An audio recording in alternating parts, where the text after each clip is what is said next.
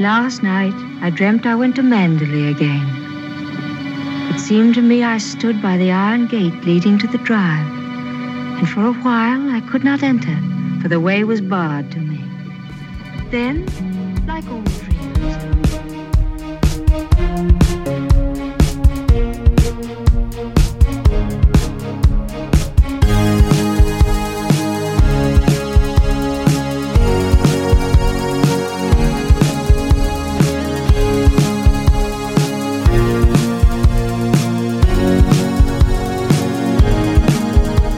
Välkomna till Shiny-podden säsong 6, andra avsnittet. Eh, med mig Henke och eh, med mig har jag som vanligt eh, Frans. Väl- Välkommen Frans. Hallå, tack så hjärtligt. Hur står det till där borta i England? Det är bra, det är bra. Ja. Eh, samma här. Så nu är vi ju tillbaka igen och eh, det här är andra avsnittet av säsong 6 och nu eh, pratar vi om Hitchcock igen. Eh, och idag då ska vi prata om en film från 1940 som vi nämnde förra veckan och det är alltså Rebecca. Eh, den första filmen som Hitchcock gjorde i Hollywood och han kom ju över från England och fick chansen i Hollywood genom ett eh, uppdrag för den här demonproducenten David O. Selznick. Och eh, de hade tid, tidigare pratat om att göra en film om eh, vad heter det, Titanic. Men eh, då hade Selznick eh, bytt eh, plan och föreslog Rebecca. Eh, och den bygger ju också då på en bok av, vad heter hon nu då, författarinnan? Eh, Daphne de Maurier. Just det. Samma författare, författarinna som hade skrivit förlagan till förra veckans film. Jamaica In. Och Rebecca hade eh, Hitchcock varit intresserad av eh, sen tidigare har, har jag eh, hittat information här om. När man läser på lite om filmen. Ja, okej. Han hade försökt köpa det eh, manuset då några år tidigare. Men då hade det blivit för dyrt då för, för dem. Den budget han hade då med de producenter han jobbar i England då. Ja, ja. okej.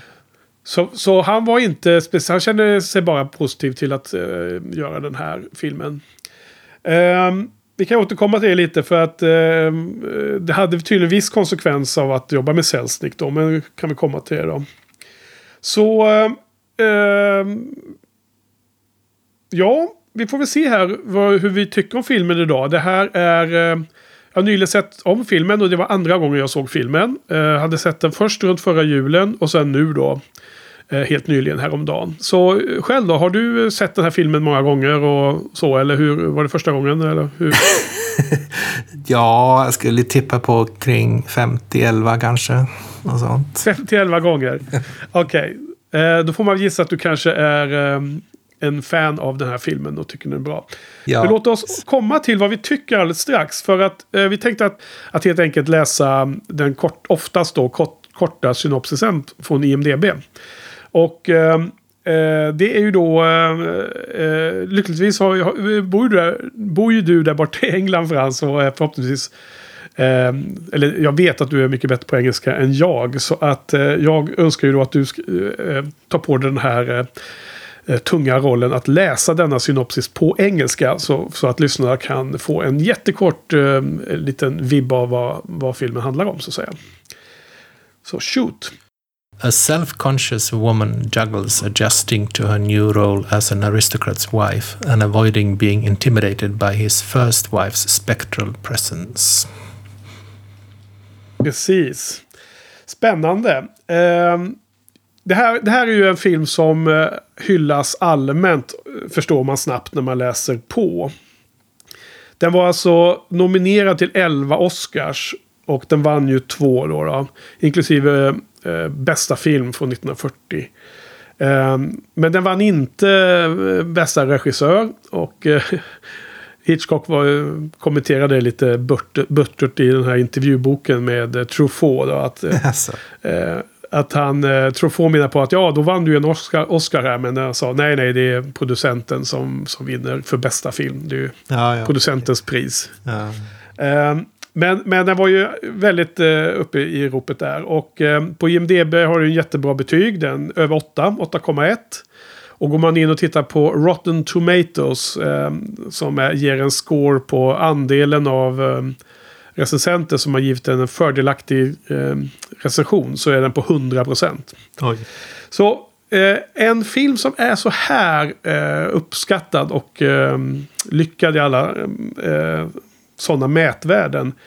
Kan man ändå se den och, och känna att man inte tycker att filmen är bra? Vad skulle du säga Frans? Är det ens möjligt att, att hamna där i? Ja, det är väl självklart. Ja, Det finns väl ingen, ingen man behöver inte tycka som, som andra. Man tycker som man, som man själv tycker. ja, precis. Man får gå på sin egen magkänsla.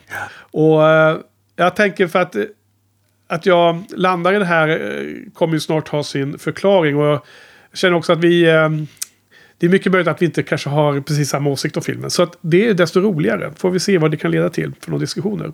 Så men vad tycker du om filmen? Lite, lite grovt först då, så får vi komma in på detaljer om en liten stund. Okej, okay, jag tycker att det är helt klart den bästa filmen vi har sett hittills.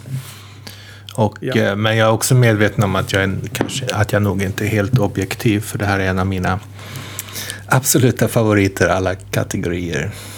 Och det är en, det är en historia som har mycket stort no- nostalgiskt värde för mig. Och det är det som är lite, Okej. lite intressant som avslutning där, är att det är precis samma historia som Jamaica In. Men ändå är de filmerna, i alla fall för mig, som natt och dag.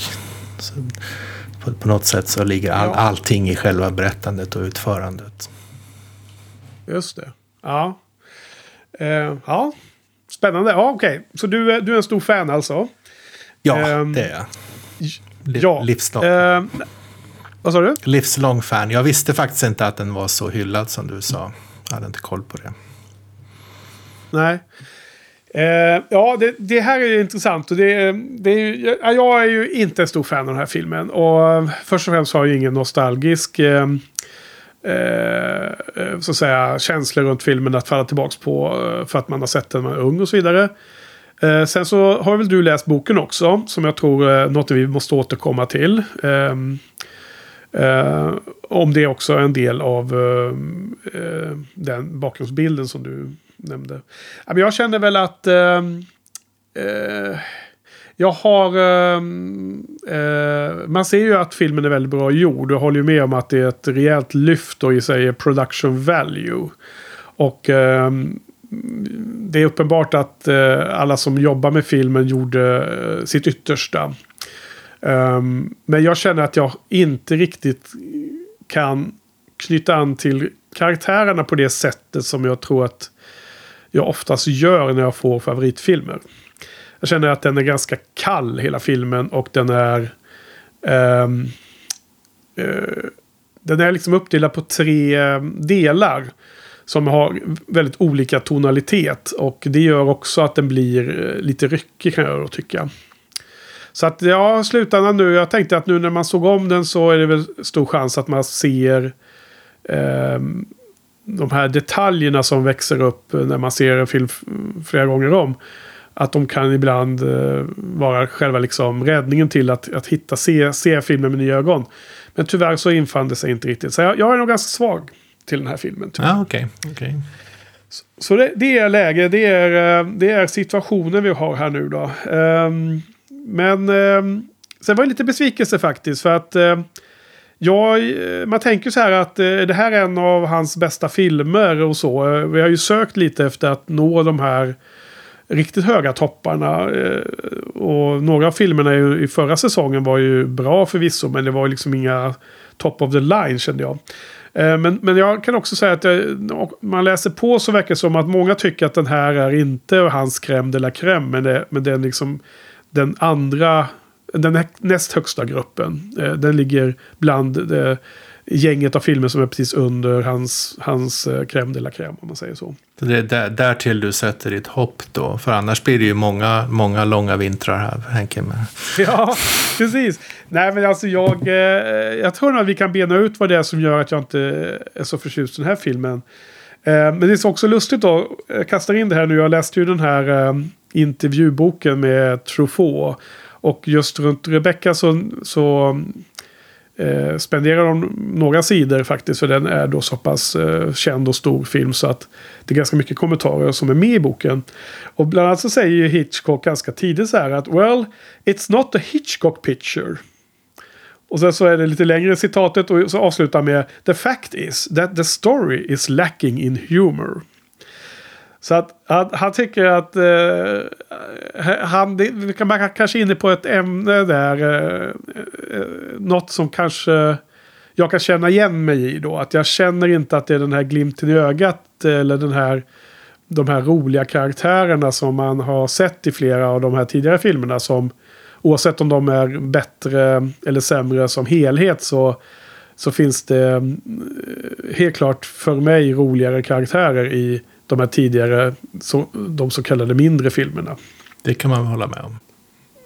Um, så att det är eh, det ena. Det andra är att jag skulle jättegärna vilja höra vad du uh, säger om uh, adaptionen av boken till film.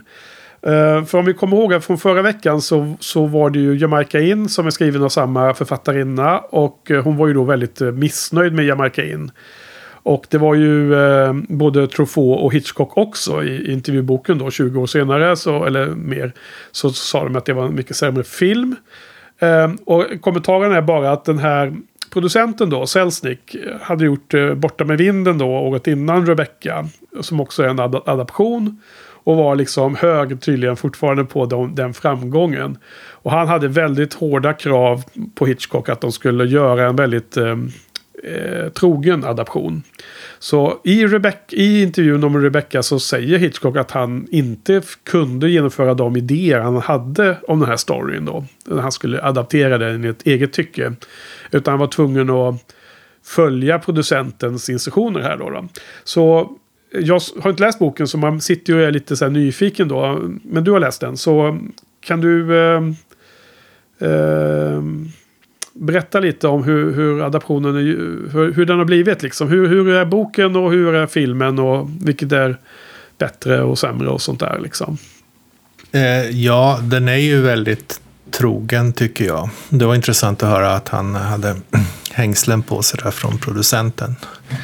Och, ja. eh, men som jag, som jag sa tidigare så är det ungefär precis samma historia som Jamaica In. Det är en ung kvinna som som blir eh, inkastad eller mer eller mindre frivilligt inkastad i en situation där hon förväntar sig känna trygghet men när hon långsamt inser att någonting inte står rätt till.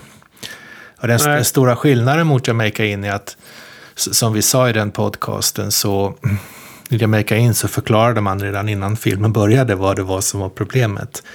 Medan här i Rebecca har man bevarat den spänningen. Man får precis lika mycket information som är som i, i boken. Man får det här lilla, lilla, man får veta från början, i den här fantastiska inledningsscenen får man veta att någonting har hänt på, det här, i den här, på den här herrgården Manderley, men man vet inte vad.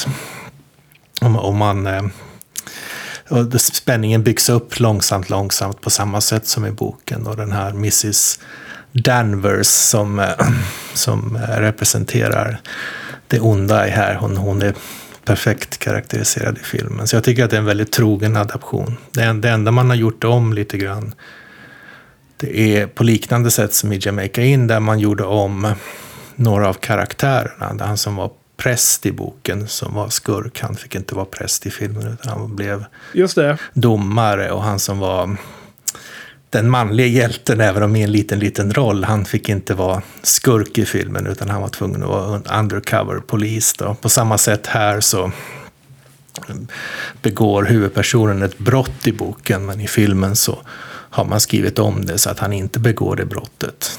Tydligen så, så var det så att i Hollywood, man kunde, man kunde, på den tiden fick man inte begå brott, begå brott på film utan att bli straffad i filmen. Just det.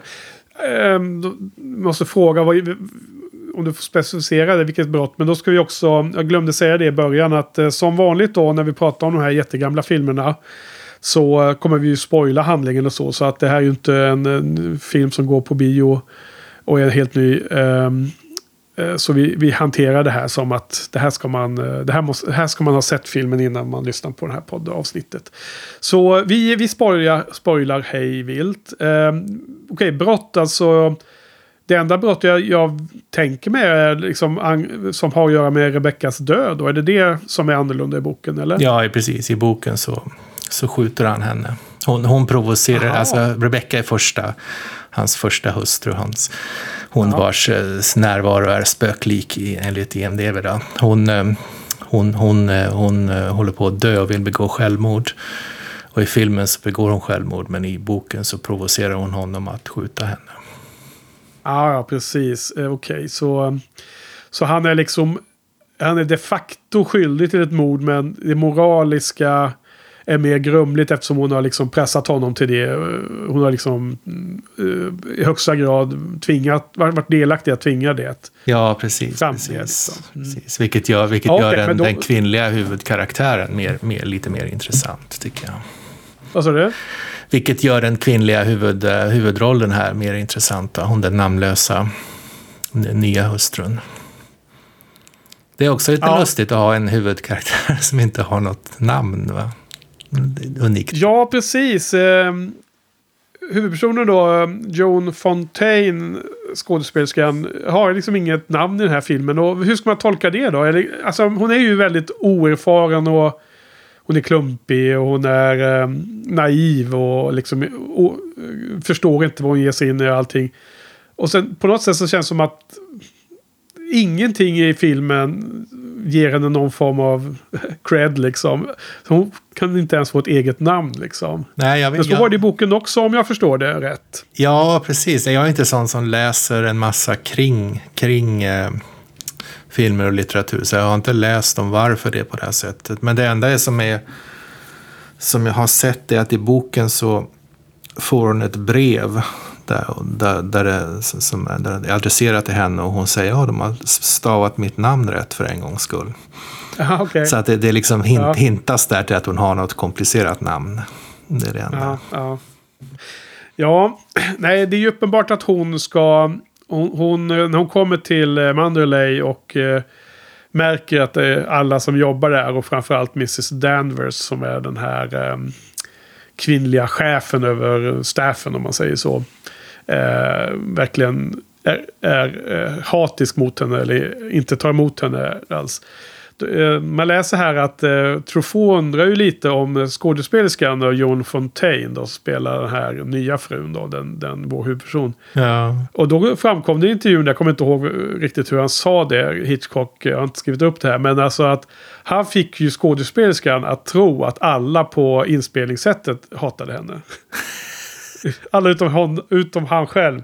Så att det, det är liksom den här typen av ganska brutal coachning liksom för att få fram en, en, en speciell skådespelares liksom, känslor på ett visst sätt. Ja, som jag ja. tycker är på, på gränsen till acceptabelt. Men eh, blir resultatet väldigt bra så kanske det, historien förlåter det. Det, är, Vad tycker du om sådana såna hyss?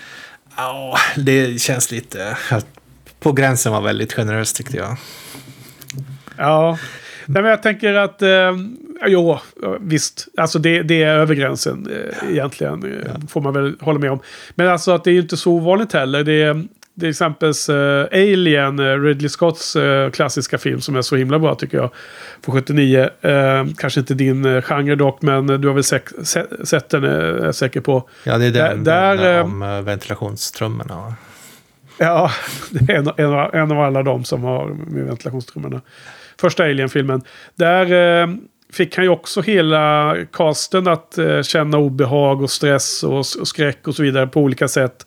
Och liksom höll alla på nerverna via massor med hyss och massor med olika... Eh, ja, vad det nu var, kommer inte ihåg alla detaljer. Om det var liksom dåliga arbetstider och de var uttröttade och de var utmattade. Och, och liksom också så här för att få fram den här nerven i, i liksom skådespeleriet. Och Ja, ja. någonstans där så är det ju liksom att eh, de, är ju, de är ju konstnärer. Då ska de ju lida för sin konst och så, eller hur? Men det här det var en tidig, du som har koll på sånt, det här var en tidig film av henne. För hon blev väl någon sån här Hollywood-diva senare va? Ja, alltså... Eh, det, ja, jag, har inte, jag vet inte jättemycket. Jag känner igen namnet eh, väldigt tydligt. Så att hon, har- hon måste ju vara hyfsat stor. Och eh, det man ser i, eh, intervjuboken också det är ju att de pratar om att hon var så otroligt bra i det här. Och att hon fick ju, hon blev ju nominerad som bästa kvinnliga huvudroll i Oscars. Precis som, eh, ja, vad heter han nu då, han som spelar huvudrollen? Eh, Olivier. Eh, ja, Laurence Olivier är ju också jättekänd. Han blir ju nominerad som bästa huvudroll, manlig. Och Joan Fontaine, eh, kvinnlig huvudroll. Och hon som spelar Mrs Danvers är ju Judith Anderson. Hon blir ju nominerad som bästa kvinnliga biroll. Och eh, de vann inte det här utan det var... De vann, eh, filmen vann två Oscars, eh, bästa film och bästa foto. Eh, Men sen året efter så vann ju Joan Fontaine för en annan Hitchcock-film som kom ett år senare. Och som heter Suspicion, som Ah. du och jag kommer till snart. För den här gör han ju två filmer per år här ett tag i början av Hollywood. Så att 1940 så gör han ju den här först och sen gör han också den som heter Foreign eh, Correspondent. Och som också är från 40 och som också nomineras till bästa film samma Oj. år. Så han, han hade ju världens run här med Oscars. Ja. Så att Joan Fontaine fick då sin Oscars för eh, den här Suspicion och de var överens om att hennes insats är bättre i Rebecca och att den Oscar hon fick året efter antagligen var i retroaktivt. Att de, hade, de ville rätta sig liksom. Gav henne för nästa Det film. här är som kompensation som när domaren dömde Ja, kompensation, ja. straff. Ja, ehm, Ja, får jag, nej men eh, Får man adaptionen då. Nej men då har vi väl täckt in det. Det var intressant att höra lite eh, om, om och så. Och ganska, ganska intressant att höra den här stora skillnaden i upplösningen då. Det här med mord kontra olycka som det var i filmen. Det blev ju, hon dog ju av en olycka. Hon ramlade och slog i huvudet mot en, något, något hårt där inne i det här båtskjulet. Eller vad det var det var i. Ja, det är lite intressant för att nu, nu för tiden så är det nästan tvärtom. va? Att, eh, men de, I de flesta filmerna så klarar skurkarna känns det som. Klarar skurkarna så känns det som. Det inte alls samma Ja. regelverk där att de måste, de måste straffas. Det finns ju massvis med sådana här Ja, capers där hela tiden man följer skurkarna istället för poliserna. Och Det går ut på att de ska klara sig. Ja. Man ska hålla på dem. Alltså... Jag förstår hur du tänker, men tyvärr tycker jag att det för sällan är så. Jag, jag- jag, vill nog hävda att det ändå är ganska mycket kvar av det här att skurken får inte vinna liksom i en viss typ av eh, du vet, polis och skurkfilm. Ja. Och det är svårt att eh, nämna exempel utan att spoila allt för mycket. Men det finns en hel del ganska moderna filmer som är av det slaget. Eh, eh, och ett exempel till, eh, ska vi se här nu, spoilermässigt.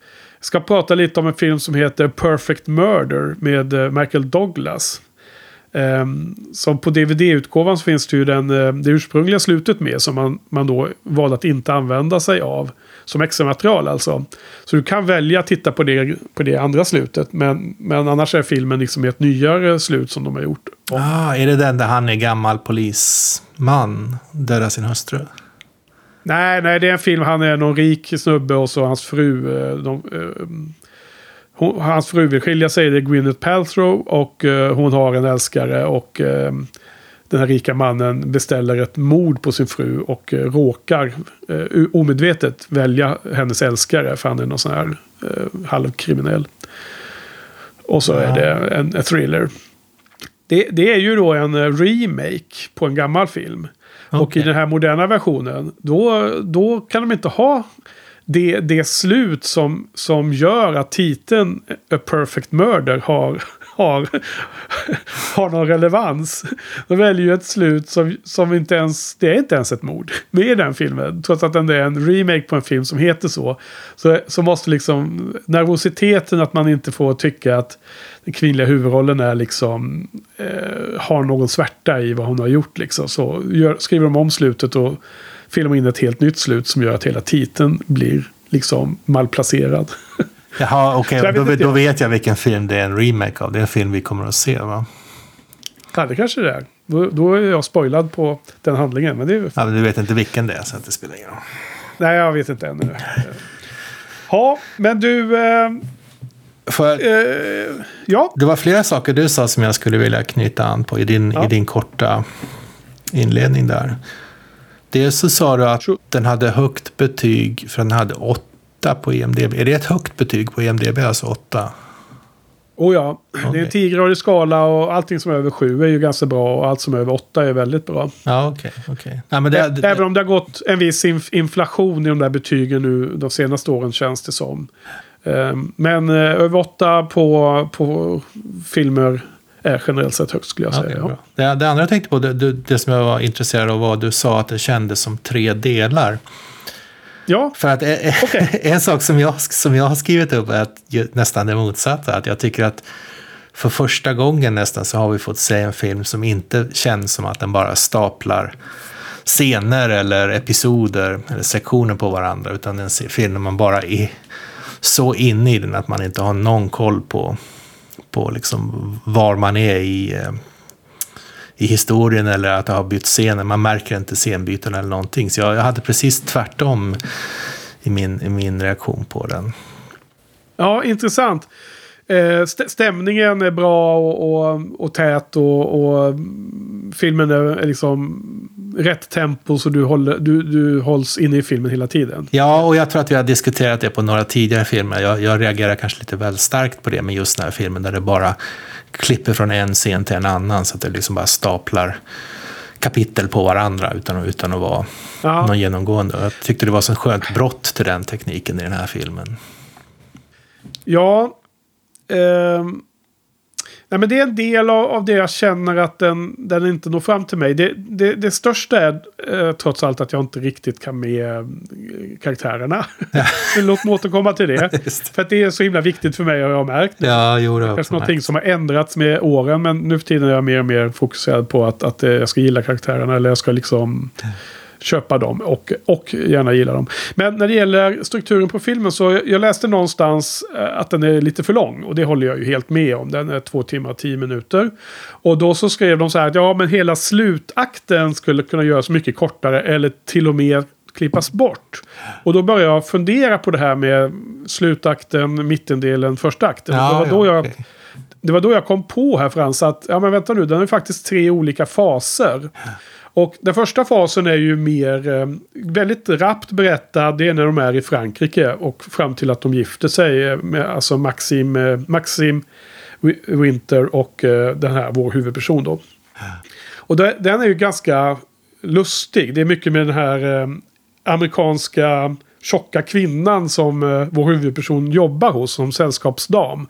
Och Hon är ju liksom så här burdus och over the top. Eh, liksom Eh, liten karikatyr kanske men hon är ju hon spelas ju för humor mestadels. Med hennes eh, maner och eh, dialog där. Eh, sen har vi hela den här mittendelen som är den här täta, väldigt bra implementerade stämningen. Liksom på Mandalay och allt det här hotfulla musiken, klippning, allting är väldigt tajt och det är väldigt så här en, en stor portion av filmen som är väldigt homogen. Om man säger så i alla fall. Eller tonalitet och stämning. Och som har passar in med den här fantastiska inledningen när kameran åker upp emot Mandalay och, och eh, skogen, naturen har tagit över. Eh, du vet för det förfallet så. Den här inledningen är ju mer lik så som mittensektionen av filmen är.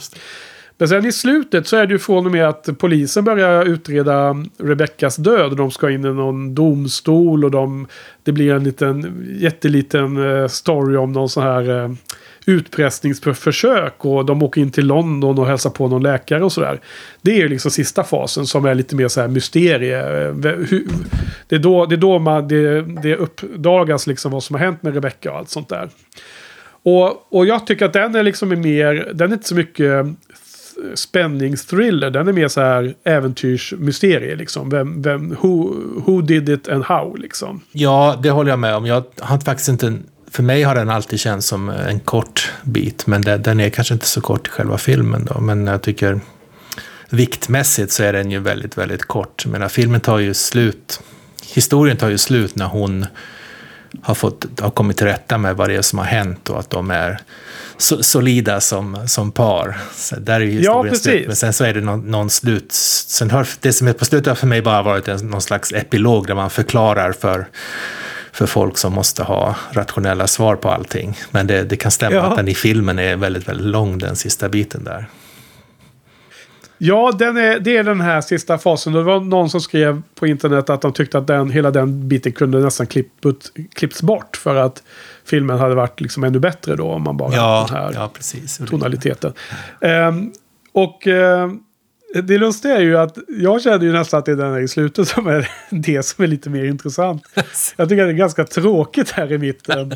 Och nu när jag såg om den då var lite så här förhoppningsfull att jag skulle fånga sån här tunga stämningen då så eh, gjorde jag inte det på det sättet som jag mm, gissar att de, ni, ni, alla de ni som eh, älskar den här filmen och som ger den så högt betyg att den får 8,1 på IMDB då. Ja. Är, är liksom tycker att, att den mittendelen, den, den större delen av filmen är då, då.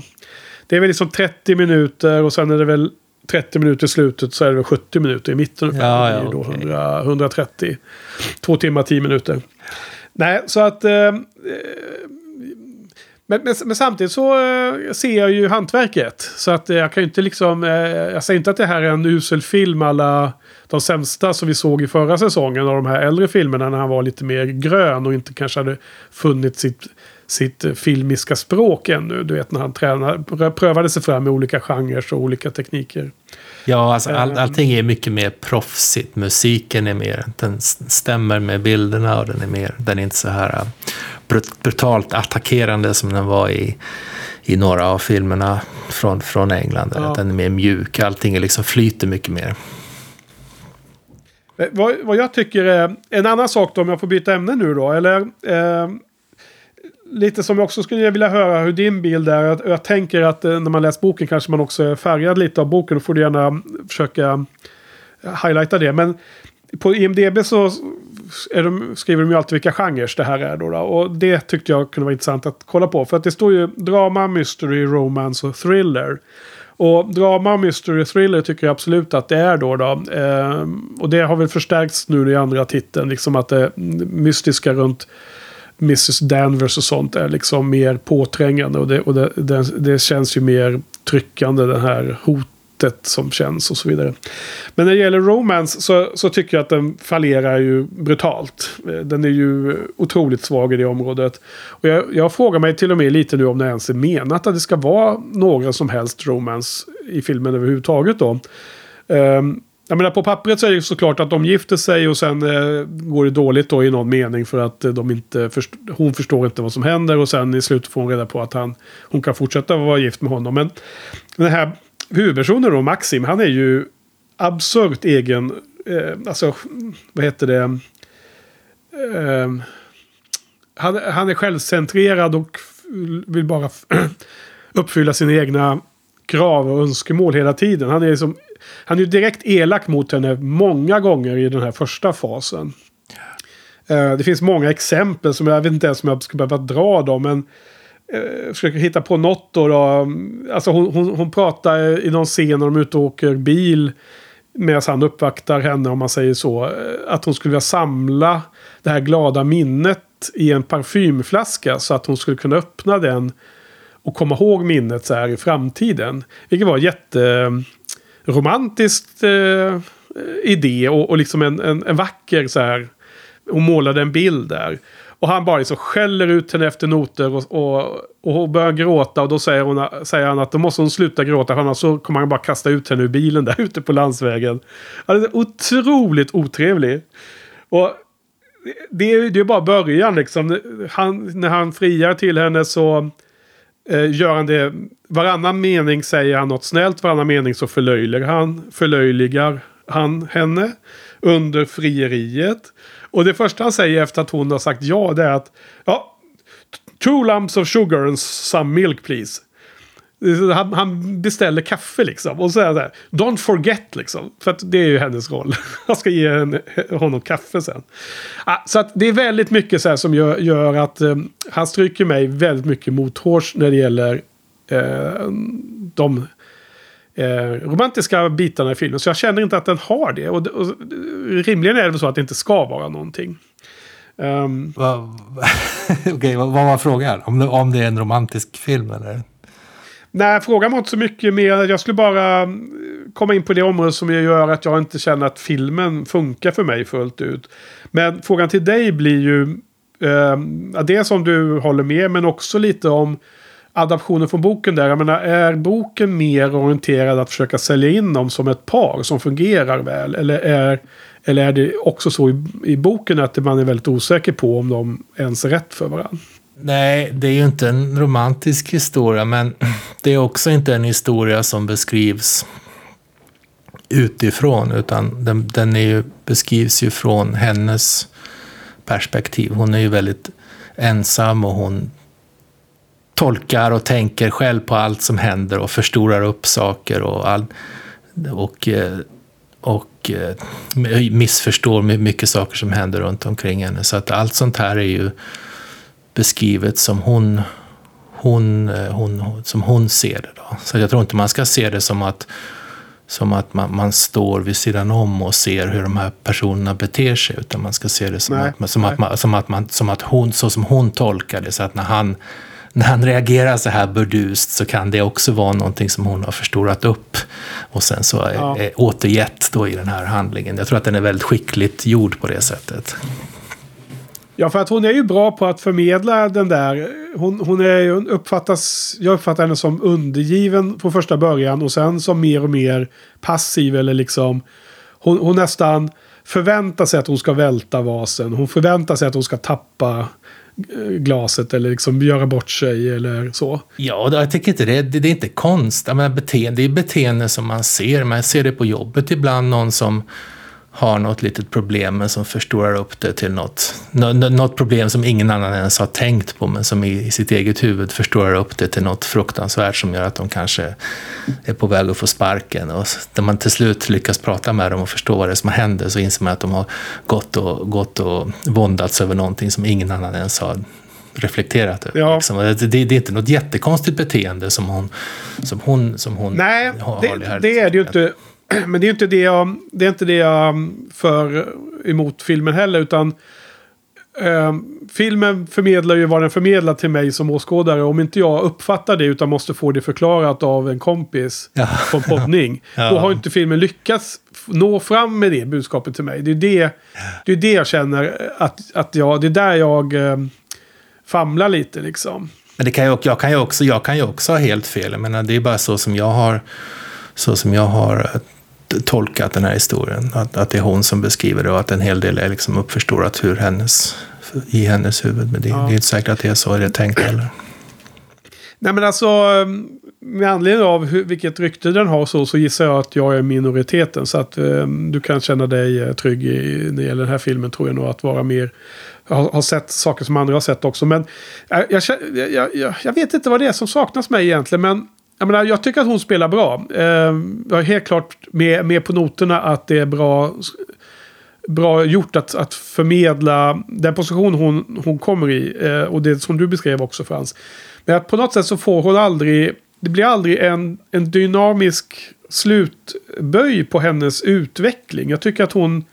Hon är liksom ganska flat i hela filmen igenom. Och i slutet så är det aldrig så att hon får någon form av upprättelse eller att hon får någon form av indikation på att hon får tillbaka någon, någon självförtroende eller någon styrka eller får rätt på något sätt.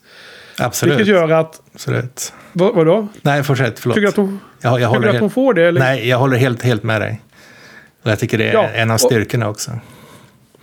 Ja, okej. Okay, ja, för att det, det saknar på något sätt känner jag. Och jag känner att då blir fokus ganska mycket på hans eh, sorg eh, av att eh, frun, hans första fru var död. Och sen så i början så tror ju alla att han är jättesorgsen över att hon är borta. Men sen i efterhand så förstår vi att han är sorgsen över att han eh, känner skuld och han känner sig liksom eh, ledsen bara för att hon var ett jävla svin eller något sånt där. Liksom. Alla de här grejerna, liksom, när man får reda på mycket mer om Rebecca så förstår man att, att hans, hans låga humör berodde på att hon var liksom en eh, djävulen eh, och så ju.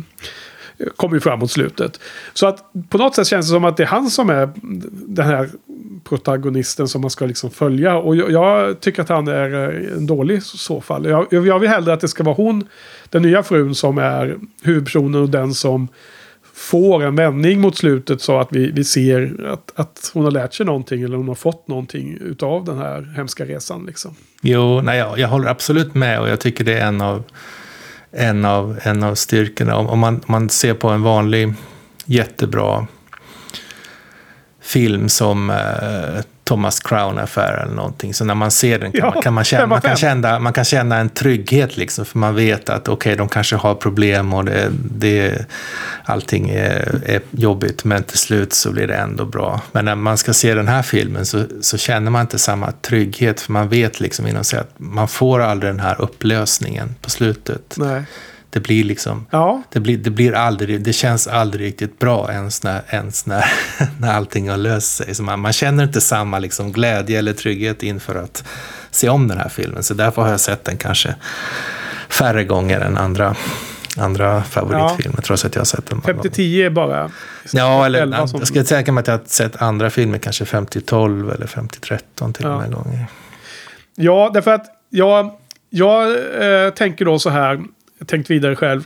Kan det vara så att jag inte gillar eh, Hitchcocks eh, eh, romantiska eh, beskrivningar som kan vara med i filmerna som kan vara mer eller mindre viktiga då för handlingen. Men, men lyckligtvis är det ju inte riktigt så för att av de vi såg i för, förra säsongen Frans så var det ju flera som jag då tyckte var riktigt härliga relationer. Eh, dels i eh, The 39 Steps är det en skön relation som beskrivs. Dels i den här Rich and Strange, det här paret som åker på, så får ett för tidigt arv och åker bort till Asien. Som jag då tyckte att de var så himla härliga och gulliga i slutet. Och jag tror att det även finns en ganska lite mer platonisk men ändå ljuvlig kärleks... Eh, relations... Eh, besk- beskriven relation i Murder. Som tre exempel. Men å andra sidan så är det ibland så att jag inte alls gillar dem. Och där eh, tänkte jag på The Lady Vanishes som var den här sista filmen i säsong 4 vi gjorde. Där när den här eh, burdusa brittiska eh, klämkäcka snubben som bröt sig in hos den här amerikanska kvinnan och eh, liksom eh, attackerade henne. Att det skulle vara liksom romantiska gester då. då. Kommer du ihåg Ja, ja, ja, precis. störde mig på honom? Precis, men det, men det, är väl bara, det får man väl bara köpa då, att, det, man, eh, att du, det är väldigt viktigt för dig att och, och, och känna sympati med de, de huvudpersonerna. Alltså det? Du tycker det är viktigt att känna sympati med huvudpersonerna och då Ja, kom, Ja, kommer precis. säkert Det- att bli, det- bli flera, flera stapplande steg framöver här. Det får man bara Ja, nej men eh, precis för då, då känner man i alla fall trygg med att det kan vara lite eh, on eller off. Det behöver inte vara så att eh, det alltid är dåligt i alla fall. Så det är väl skönt att tänka. Nej, alltså för mig har det, det har aldrig, varit så att det finns, ett, det finns en intention att beskriva någon romantisk relation i den här filmen eller i den här historien. Eh, det är den ena biten. Eh, Men, men, men, det är inte så att... Det, det finns ju många filmer som jag gillar där de bästa karaktärerna är allt annat än goda. Så det är ju inte det det handlar om egentligen. Utan det är någon... eh, Alltså okej, men förenklat kan man säga så att man ska gilla karaktären. Man ska gilla den filmiska karaktären på ett eller annat sätt. Precis. Man får inte liksom sitta och störa sig på fel typ av saker. Um, och jag menar, i, det kan ju vara så att de gör filmen, alltså skådespelaren gör exakt det regissören vill och gör det jävligt, jäkligt bra. Men ändå så kan man gilla det eller inte beroende på hur man tar emot eh, karaktären. Så det, det handlar inte om eh, skådespelarinsatsen eh, alltid, men ibland kan det betyda, vad, handla om det. Och det handlar inte om den är god eller ond eller så här liksom, eller att eh, kärleksparet ska, ska få varandra eller inte. Utan det handlar mer om hur, hur man uppfattar de här karaktärerna. Och det, det är ju mer komplext såklart. Så jag vill bara kommentera det. Men, men ibland så har det varit helt eh, off target för mig i de här filmerna. Och, och jag kände lite så i den här då. då. Får jag testa en, en sak på dig? Mm. Jag har nämligen skrivit här en mening att jag tyckte att karaktärerna är självkonsekventa. Det vill säga de, de reagerar och de missförstår saker och de är otrevliga på ett sätt som man förväntar sig av dem. Håller du med om det eller Ja. tycker du att det är, det är fel också? Eh, ja, hyfsat. Eh, håller med mer än håller inte med. Eh, jag tycker ju att... Att... Eh, eller så här, det, det känns lite som att filmen väljer att visa en, en, en eh, väl vald del av deras liv. Jag menar, eh, när de har kommit hem till Manderley så hur Maxim beter sig när han kommer hem med henne eh, och sen de närmsta 10-20 minuterna i filmen är ju, är ju ganska udda. Och det känns som att det är stora hål däremellan. Han, han försvinner ju nästan ur filmen, eh, viss, stora partier där i mitten. Och det är liksom... Eh, Eh, det, skulle vara extremt absurt om han kommer hem med en ung och ny fru och liksom knappt träffar henne liksom eh, överhuvudtaget under en väldigt lång del.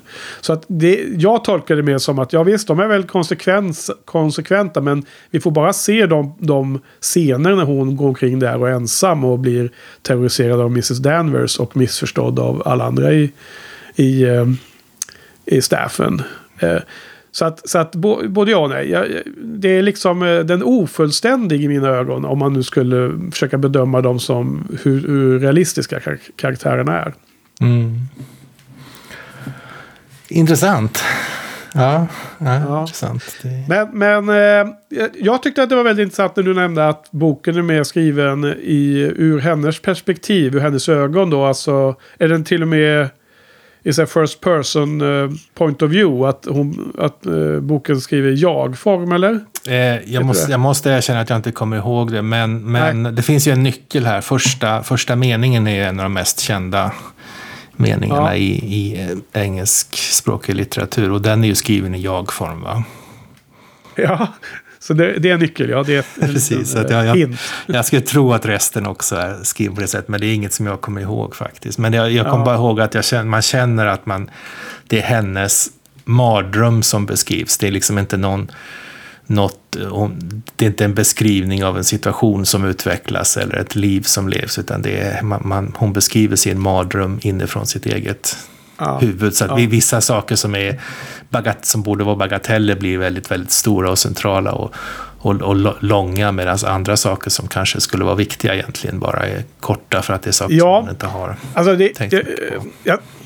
Ja, alltså det är otroligt svårt ju att göra, skriva, att göra filmer eller skriva manus som är eh, där böckerna, om man bygger på en bok så är det mycket eh, tankar boken bygger mycket på en huvudpersonens tankar. är det ju väldigt svårt att överföra till film generellt sett skulle jag gissa.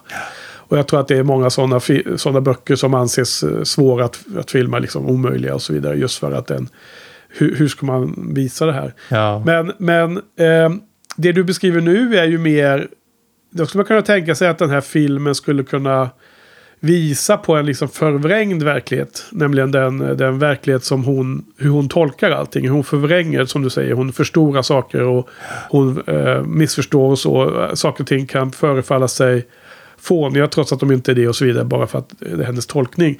Men då, alltså jag känner inte av att, att filmen på något sätt försöker spela med att, att det ska vara liksom förstärkt realism. Um, för man skulle kunna tänka sig att de här första scenerna skulle vara liksom förstärkta åt alla håll. Det här absurda runt hennes eh, amerikanska rika dam som hon är sällskapskvinna för skulle kunna vara ännu mer eh, så här, absurda. Och det romantiska i deras uppvaktning skulle kunna vara ännu mer romantiskt. Och terrorn med Mrs. Danvers skulle kunna vara beskrivet på, på där, där funkar det ju. Där är det ungefär så, så spännande som man kan tänka sig. Ja. Eh, eh, håller du med om det? Att det känns som att filmen fortfarande är en realistisk värld, det vi ser? Eller? Ja, jo, jag... Jag håller, absolut. Jag håller med om det. Och det är flera gånger man tänker att här kanske, på något sätt så är det nästan så att man ser det fast det inte finns. Som att, att filmen liksom eh, går in i någon slags drömscen där filmen, bilden förvrängs. Man, nästan att man tänker att det, det är så, fast det är egentligen inte så. Det, det enda som jag tycker man, man kanske ser lite grann är att hans karaktär kan vara extremt blek i vissa, i, ja, i vissa scener. För att, ja, för att är det så här drömsekvenser, det var det jag var ute och, det var bra, det är ett kortare eh, sätt att beskriva vad jag tänkte på. Som jag inte fångade här i, i flykten. Men den här kända skräckfilmen The Shining till exempel, som ja. eh, handlar om eh, Jack Nicholsons karaktärs eh, bana ner i större och större vansinnighet. Eller blir mer och mer psykiskt sjuk liksom. Den, den är ju bra på att beskriva liksom. Det blir ju så här drömsekvenser hela tiden. Mer och mer. Ja, ja, precis. Liksom. Och det, är ju, det görs det ju fullt ut liksom. Och så är han galen sen då. Men här skulle man ju kunna. Man skulle kunna tänkt sig att Hitchcock hade gjort det också. Men men det är inte så jag eh, har läst filmen när jag har sett den två gånger. Det är inte så jag har sett den. Liksom att, att det är förvrängd verklighet ur hennes ögon. Utan att det är liksom ganska rakt beskrivet. Ganska så neutralt beskrivet. Men att ju, man har valt ut vissa scener liksom. För att lyfta upp hennes emotionella. Ja, intressant. Eh, har du någon, någon annan spaning? Något, annat område? Ja, jag tycker man kan prata lite om inledningen. Ja, För att det, det. börjar ju med, innan filmen börjar får man se den här Selznick-skylten och eh, bilden på vad jag antar är studion där. Jag, jag, jag tycker man känner direkt eh, en slags trygghet där. Man kommer tillbaka till barndomen. Man, man känner igen den här skylten för man har sett de här eh, ja. eposen. producentnamnet. Borta, borta med vinden. Och, och så tänkte jag, vad det måste vara jättemånga filmer han har gjort som man har sett. För man kände igen den här skylten så väl. Så jag kollade på hans filmografi så var det nästan inga. Ja, extremt kort Jaså? filmografi. Och det enda man kände igen var Borta med vinden och några Hitchcock-filmer. Så jag undrar varför den, den är så stark i ens medvetande på den här skylten. Är det på grund av den här filmen och att man såg Borta med vinden som ung kanske? Eller finns det andra, är det andra filmer som jag har missat här som man har gjort? Nej, det vet inte jag. Vad du har fått det inne i nostalgibanken. Men det låter ju härligt. Ja. Ja. Och sen så själva, som, som både du och jag varit inne på, att den här första scenen är ju helt fantastisk när hon, hon, hon drömmer om eh, att hon kommer tillbaka till Manderley igen och hon står i den här grinden och kameran långsamt, långsamt tar sig genom grinden och upp för den här enväxta gången här. Hon beskriver träden som har tagit över. Ja. Fruktansvärt vackert. Den är mycket suggestiv den inledningsscenen. Ja. Och, och det, språket är så poetiskt och vackert så man, man, liksom, man kommer ju direkt, Ja. direkt in, in i eh, en bra stämning där tycker jag. På, på tal om det så måste jag säga att det är faktiskt det är då hon känns som mest eh, självsäker och stabil i hela filmen. Är ju då när hon gör den här voiceovern i inledningsscenen. Och, och det, det ska ju vara långt, långt i framtiden. Så att det har ju gått bra för henne. Ja, precis. Ehm. precis. Men det är det, det är det som är så genialt. att man, När man ser den scenen så får man bara förstå att någonting har gått rejält på tok. Men när man har sett Ja. klart filmen så förstår man att nej, det gick faktiskt, allting gick bra egentligen. Ja. Man, man lever hela Det- filmen med vetskapen att någonting kommer att gå åt helsikes snart. Men, eh, men sen gör det aldrig det och då man, man blir liksom lite lurad där. Nej, det, det jag håller med om att det är en väldigt suggestiv. Och sen så bryter, eh, hoppar de över till eh, Frankrike och till Monty, som hon säger hela tiden. Den där amerikanska kvinnan. Monte Carlo.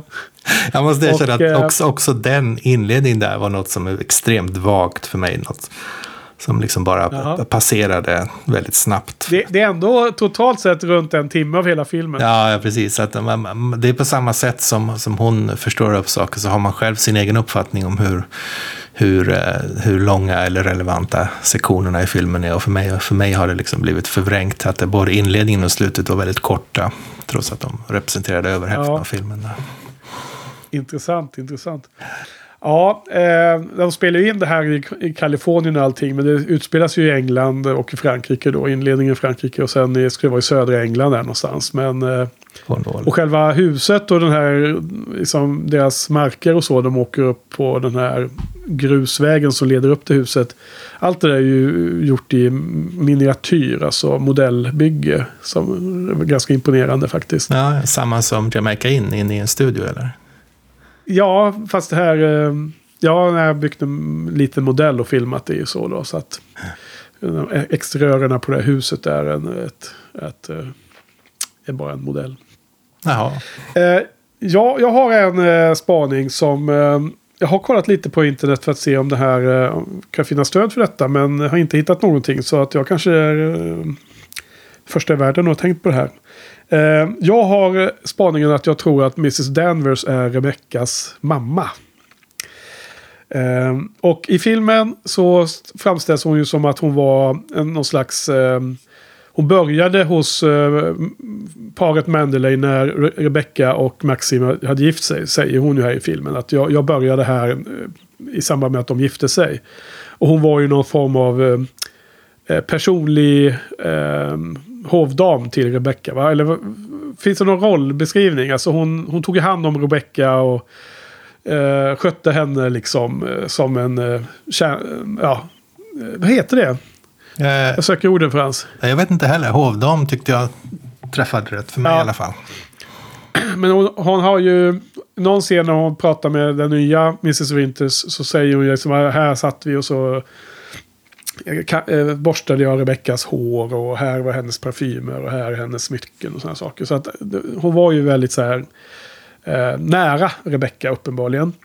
Eh, så att det, det sägs ju aldrig att hon ska vara, vara hennes mamma på något sätt. Men hon är ju också helt fanatisk över Rebecka. Och hon... Eh, Eh, trots att den här Rebecka eh, verkar vara en eh, djävulsk person och helt eh, otroligt elak mot eh, sin eh, omgivning och eh, otrogen och allt vad, det, allt vad som nu beskrivs i slutet av filmen. Så verkar hon, Mrs. Danvers, inte ha liksom någon som helst tvekan om vem, vem sida hon står på. Så det går ju så långt att hon till och med för att förhindra att Maxim ska få en lycklig, eh, lyckligt liv med sin nya fru så bränner hon ju till och med ner hela huset och sig själv där, därmed också.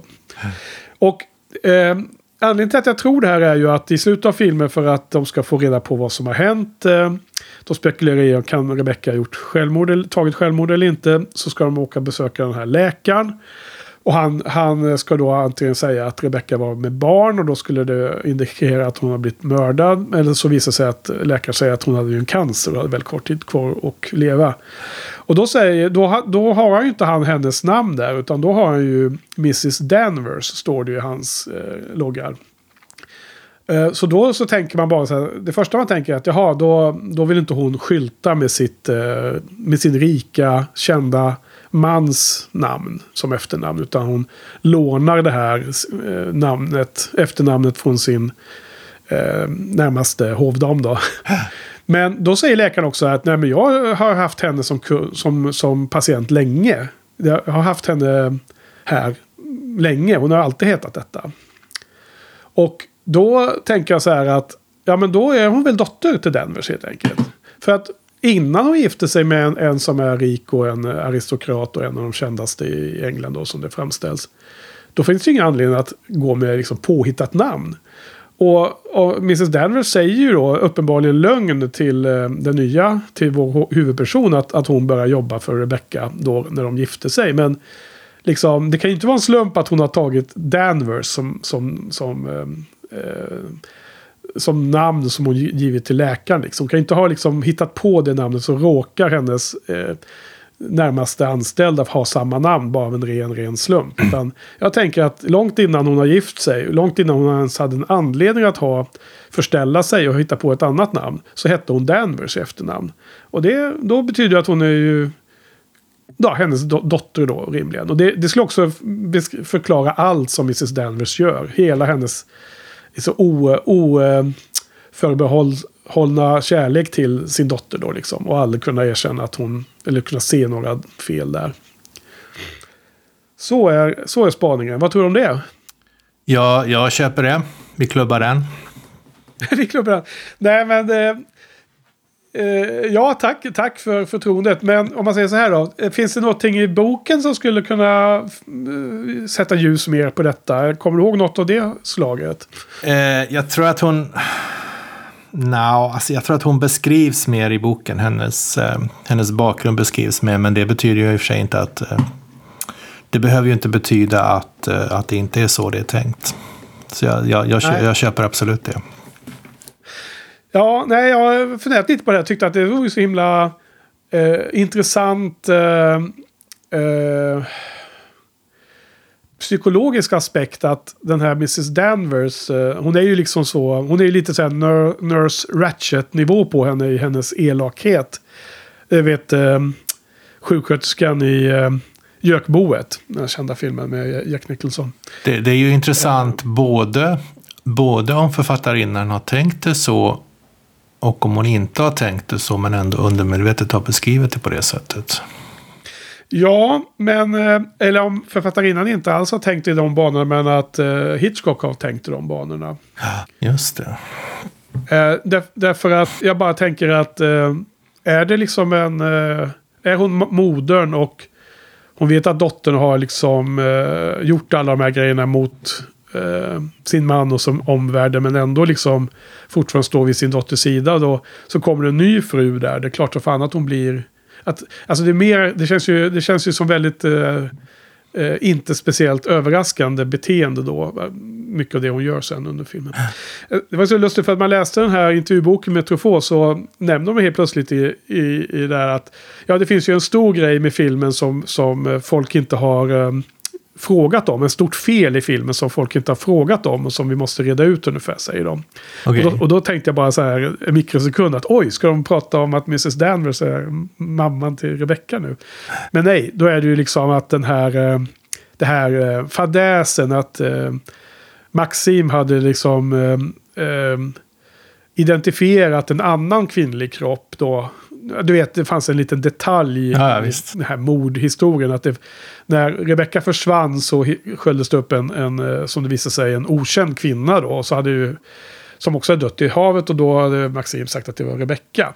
Senare hittar man ju Rebecka i hennes båt eh, ett år senare och då frågade polisen vem är den första kvinnan. Och då så tyckte Hitchcock att det var någonting som publiken hade helt missat liksom och det borde de ha hakat upp sig på mer. Men jag tycker att det förklaras ganska väl av den där polisgubben där. Han säger bara, äh, men du var väl lite så här förvirrad liksom. Du var ju, du var ju i chock liksom. Så det kan hända att man misstar sig. Och, och så kan det ju hända rimligen också. Ja, precis. Om en person sköljs upp på havet kanske den inte ser. Det kanske liksom har, ja, har blivit eh, slagits mot stenar och sådana saker som gör att man inte kan se så tydligt. Nej, och mä- mänsklig natur är ju att eh, tro det man först tror. Och köpa, köpa vilka förklaringar som helst som, som eh, bekräftar det man först tror. Så det är inte så konstigt. Ja. Ja, men du, eh, har du någon mer spaning? Nej, jag har bara, bara en, en, en, en, en trivia som jag snubblade över här på Wikipedia. Att tydligen så använde Ja. nazisterna en utgåva av Rebecca som kodnyckel under andra världskriget. Det var lite lustigt. Jaså? Hur då? Ja, du vet, sån här gammal bokkod. Sida, sida 22 och sjunde ordet och sådär. Okej, ja. Ja, men det, det, det, kan man, det får man inte hålla emot eh, Daphne de Maurier hoppas jag. Absolut inte, men det var ju ett lustigt, lustigt val. Tänk att de hade valt något mera tyskt kanske. Men, Ja, precis. Ja, okej då. Du, eh, ska vi börja avsluta för kvällens eh, poddning? ja. Ja. Ehm, ska vi dra ett betyg då? På vår femgradiga skala. Vad tycker du om filmen? Fem. Fem av fem? Ja. Ja, härligt. Super. Ja, eh, jag ger den två av fem. Oj. Ehm, och jag, har, jag är inte så sugen på att se om den faktiskt. Den, var in, den har eh, lågt omtittningsvärde för mig. Men jag tycker absolut att den är inte en etta liksom på något sätt. För att den är ju bra gjord och allt det här. Och det, det är liksom... Eh, jag känner stämningen och så. Så att eh, sen så köper jag inte allting. Men det är ju fantastiskt. Då har vi väldigt olika eh, betyg där. Men det är bara bra. Det välkomnar vi. Eh, nästa vecka ska vi bara titta framåt och lite kort. Eh, då har vi den här filmen som är också från 1940. Senare på året kom den ut i augusti. Och den heter Foreign Correspondent. Och är någon eh, actionfilm om, eh, som utspelar sig under andra världskriget. Ja, spännande. Jättekul. Ja, och sen då så eh, hoppas vi att eh, lyssnarna har, har avnjutit detta samtal om filmen. Och att om ni har någonting ni vill lägga till eller fråga om eller skriva vad ni, vad ni själv tycker om filmen Rebecca så gå in på shinypodden.se och leta fram det här avsnittet och gå in och skriva in i kommentarerna där. Så kan vi ha anledning att återkomma till det efter, eh, ja, på nästa veckas poddning. Eh, så fort vi har fått in några kommentarer. Eh, och eh, vad ska vi säga mer? Vi ska göra en shout-out till Niklas Lundqvist som har gjort eh, våran härliga vignettmusik. Så det hoppas jag att alla är medvetna om att Niklas har gjort den. Tack Niklas! För det brukar vi ju glömma att tacka om Frans. Men det, nu kommer jag på det i alla fall. Har vi någon lyssnartävling i år eller? Eh, ja, det får vi återkomma till i så fall. Det har vi inte, det har vi inte haft produktionsmöte om. Ja, Okej, okej. Spännande. Så att eh, det får vi prata om sidan. Ja, några eh, avslutande ord från dig Frans? Eh, nej, det är kul att komma igång igen och eh, se fram emot att se utrikeskorrespondenten nästa vecka. Precis, detsamma. Eh, ja, det kan vi förresten fråga. Gjorde vi det förra gången? Är det här en film du har sett? Som, du vet om? Eller? Eh, ja, det har jag. Men jag, jag, kan inte säga att jag vet så mycket. Kommer ihåg så mycket av den. Så det ska bli spännande. Nej. Jag har i alla fall inte sett den och eh, jag känner inte igen någon eh, skådespelare jättemycket så här speciellt direkt. Så att eh, det ska bli spännande ur många perspektiv. Men då säger vi så och så är det på återhörande om en vecka igen. Så ha det så bra allihopa så hörs vi sen. Ja, tack, Adjö. tack Henrik. Tack Frans. Hej då. Ja.